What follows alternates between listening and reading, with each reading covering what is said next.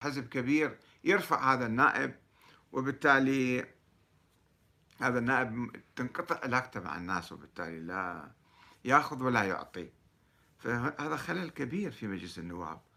يعني شفنا الآن مثلا آه، قائمة سائرون.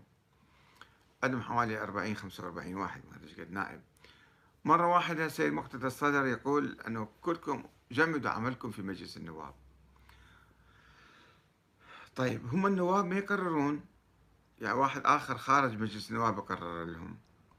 طيب أنتم لو مرتبطين بالشعب شوفوا مصلحة الشعب ماذا يريد. وتعبرون عن صوت الشعب. والآن وقت عمل النواب. مو أنه يجمدون أنفسهم.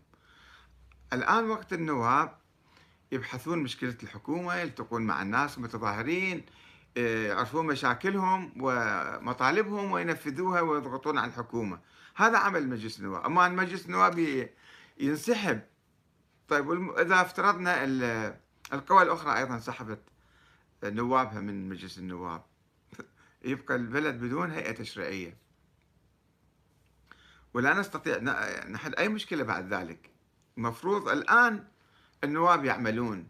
وبقرارات من أنفسهم. مو قرار واحد يجي من برا كلهم اطلعوا برا جمدوا عملكم انسحبوا استقيلوا ما يصير الشكل.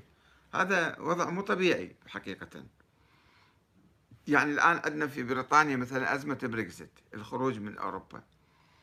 النواب 24 ساعة آه، مواظبين في المجلس ورئيس الوزراء يحاول أنه يسكر المجلس حتى يفعل ما يشاء. والنواب يصرون على أن يكونوا حاضرين. فحضور الجماهير وحضور نوابهم إذا كانوا حقيقة هم نواب عن الشعب. يشوفوا الشعب شو من عندهم يعبروا عن رأي الشعب تجاه الحكومة. ولكن العملية لأنه قانون الانتخابات مو صحيح فهؤلاء الذين جاءوا ضمن القوائم ما عندهم رأي, رأي رئيس القائمة فقط. وكم مرة سيد مقتدى حفظه الله قال أنه أنا ما عندي علاقة بهؤلاء ولا أمرهم ولا أنهاهم ولا يسمعون كلامي ولا كذا. ليش الآن مثلا تعالوا جمدوا نفسكم كلهم جمدوا نفسهم؟ هذا تناقض في الحقيقة. تناقض وانسحاب من العملية السياسية. طيب تريد تنسحب انسحب من الحكومة مو من المجلس النواب.